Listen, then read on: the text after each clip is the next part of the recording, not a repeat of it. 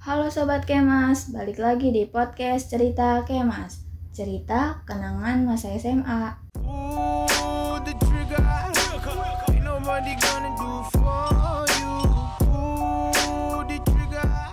Kali ini kita akan menyajikan sejumlah produk podcast Cerita Kemas yang diproduksi oleh rekan-rekan Cerita Kemas Ada Fajar, Sabila, dan Yugo Untuk mengawali perjumpaan kali ini, mari kita dengarkan paket siaran majalah udara seputar sekolah.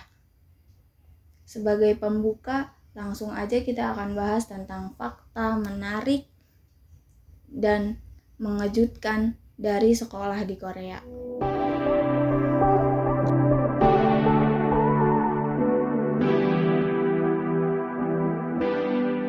Korea merupakan salah satu negara yang menjadi idola dari banyak orang, termasuk di Indonesia. Banyak dari kita yang mengidolakan Korea karena menjadi tempat banyak artis populer baik dari K-pop maupun serial dramanya yang terbaik. Dari sini banyak orang yang suka kepo dengan kehidupan di Korea seperti apa. Dari serial drama Korea atau video lainnya, pasti banyak budaya dan hal-hal yang diketahui. Hal ini juga termasuk tentang bagaimana kehidupan sekolah di sana. Lantas, apakah sekolah di negeri Korea sama saja dengan Indonesia atau memang seindah drama yang biasa ditonton? Nyatanya, ada beberapa fakta menarik dan mengejutkan mengenai sekolah di negeri gingseng tersebut. Ada yang menyenangkan dan ada juga yang membuat kita sedikit kaget. Penasaran? Silakan simak beberapa hal ini. Pertama, lamanya jam belajar.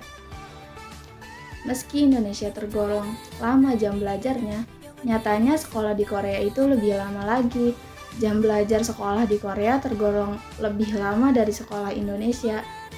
Sebagai gambaran, siswa SD sampai SMP Korea belajar biasanya dimulai dari jam 7 sampai 4 sore.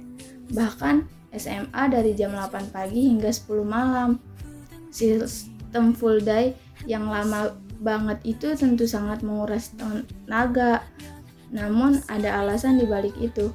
Pemerintah mematok aturan tersebut karena ingin siswanya bisa pintar dan bekerja keras untuk masuk ke universitas yang ketat. Jadi memang lama dan gila banget ya. Kedua, adanya bimbel sepulang sekolah.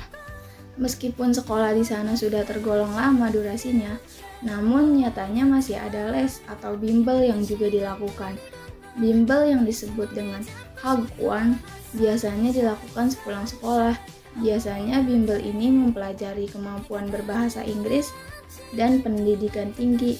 Beda dengan Indonesia, Hagwon ini sifatnya wajib, apalagi untuk yang kelas akhir 12 atau 9. Meski jam sekolah sampai larut, Hagwon tetap dilaksanakan, baik yang diadakan sekolah ataupun di luar sekolah. Ketiga, apa mapel yang diajarkan? Sekolah di Korea hanya mengenal lima mata pelajaran utama bertema eksak seperti matematika dan sains, sosial seperti mat materi pelajaran studi sosial, serta mapel bahasa Inggris dan juga Korea. Di Korea jarang diajarkan mapel soal keagamaan. Hal ini mungkin yang membuat kasus bunuh diri di Korea angkanya termasuk tinggi. Selain agama yang tidak diajarkan, olahraga, olahraga juga tidak penting sehingga tak masuk jadi mapel. Hal ini membuat sek sekolah Korea jarang memiliki fasilitas olahraga yang memadai. 4. Sekolah 6 hari full day. Sekolah di Korea masuk dari hari Senin hingga hari Sabtu. Mirip dengan yang di Indonesia sebenarnya. Namun, di Korea sekolah sampai Sabtu juga tetap full day sampai sore atau malam. Beda dengan Indonesia yang hanya sampai tengah hari. Jadi bisa dibilang waktu mereka dihabiskan untuk sekolah setiap hari. Kelima, peran guru yang sangat dihormati. Karena sistem pendidikan yang tergolong berat dan luar biasa, peran guru juga sangat penting di Korea. Hal ini membuat seorang guru sangat dihormati karena menjadi salah satu bagian penting di sistem pendidikan Korea. Setiap siswa di Korea tentu penuh dengan ucapan gurunya. Jadi hampir tidak ada kasus siswa seenaknya dengan guru di Korea seperti di Indonesia akhir-akhir ini. 6. Adanya ujian rotasi untuk guru. Guru di Korea sekalipun memiliki sistem rotasi dan harus menjalani ujian untuk itu, jika di Indonesia rotasi atau mutasi dilakukan dalam beberapa periode dan tanpa ujian, maka di Korea sedikit berbeda. Rotasi guru dilakukan lima tahun sekali dan dilakukan dengan ujian, sehingga setiap waktu itu baik guru atau staf akan berganti. Ketujuh, disiplin tinggi dan keras. Selain keras dalam soal waktu dan materi pelajaran, nyatanya kedisiplinan di sekolah Korea tidak kalah kerasnya. Di Korea sistem disiplin sangatlah keras dan terkadang hukuman fisik tidak segan diberikan. Jika hukum fisik di Indonesia bisa jadi masalah dan viral, maka di Korea hal tersebut adalah biasa. 8. Orang tua juga sangat disiplin dan tegas soal sekolah. Orang, to orang tua di Korea untuk urusan sekolah juga tergolong keras karena menuntut anaknya untuk terus belajar dan sekolah. Hal ini karena banyak pandangan masyarakat Korea yang menginginkan setiap anak menjadi dokter atau insinyur. Mirip-mirip dengan Indonesia, namun yang dilakukan orang tua di Korea jauh lebih keras. Penggunaan English name pada nama siswa. Selain fakta mengejutkan, ada juga fakta unik ini. Banyak dari siswa Korea memakai nama asing menggunakan bahasa Inggris. Tujuannya agar guru mereka, khususnya guru mata pelajaran bahasa Inggris, lebih memahami nama mereka. Sekolah di Korea ternyata tidak seindah di drama Korea. Dari beberapa fakta mengejutkan tadi, tentu kita patut bersyukur karena sekolah di Indonesia sedikit lebih baik dari sana.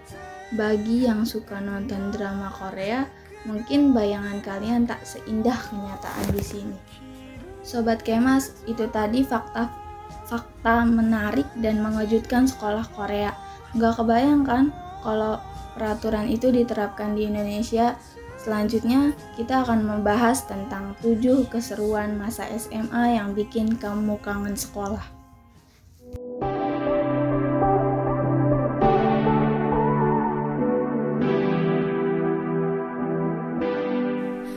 Nah, gue pengen nyampein nih, kalau ada tujuh keseruan masa SMA yang bikin kamu kangen sekolah pastinya. Pernah alami? Nah, yang pertama tuh, pernah gak sih? Kalian tuh bolos rame-rame karena males.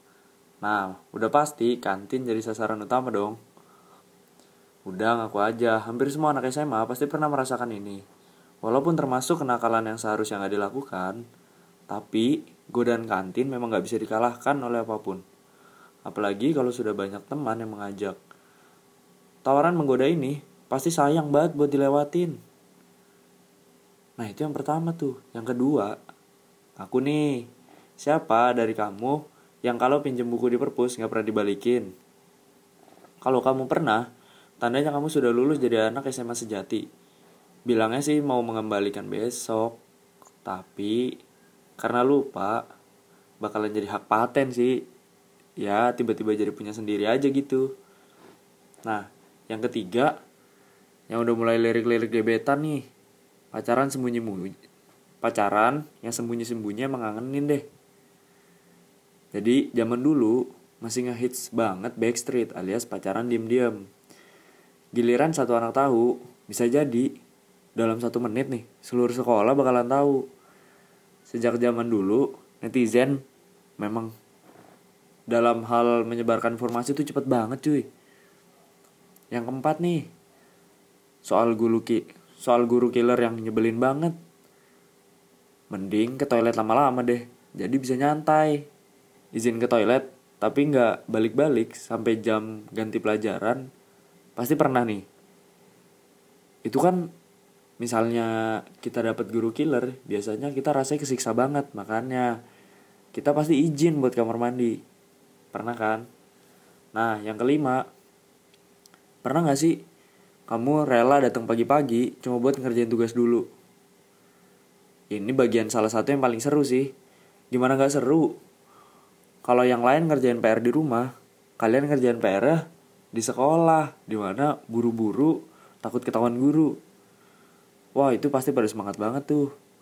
Nah, yang keenam, pakai rok kependekan. Nah, ini nih buat cewek-cewek nih. Pernah gak sih ditegur guru BK karena pakai rok kependekan? Ini biasanya yang kayak gini nih, golongan anak hits nih di sekolah. Pasti buat kamu para siswi, kalau rokmu belum sampai dikomentari guru BK, tandanya kamu masih termasuk anak alim nih. Biasanya, anak-anak hits SMA bakal kena teguran keras soal baju ketat dan rok kependekan. Ya, karena mungkin biar dibilang gaul kali ya. Nah, yang ketujuh, gak potong rambut sampai dijewer bahkan dipotongin guru pas upacara. Ini salah satu yang paling ngangenin sih, cuma nyebelin. Salah satunya gue sendiri. Gue sendiri adalah salah satu laki-laki siswa bisa dibilang yang rambutnya sering kena potong guru nih cuy. Karena gue males banget cukur rambut. Nah pasti anak-anak cowok lain pernah nih kena apesnya juga nih di momen kayak gini. Ya gak sih? Nah itu ada tujuh hal yang dikangenin nih selama SMA Sobat Kemas, itu tadi beberapa fakta dan keseruan masa SMA yang dapat menjadi terbukanya informasi buat kalian semuanya. Rasanya sudah cukup. Sabila, Yugo, nemenin Sobat Kemas, saatnya saya pamit undur diri dan sampai jumpa di lain kesempatan. Bye-bye.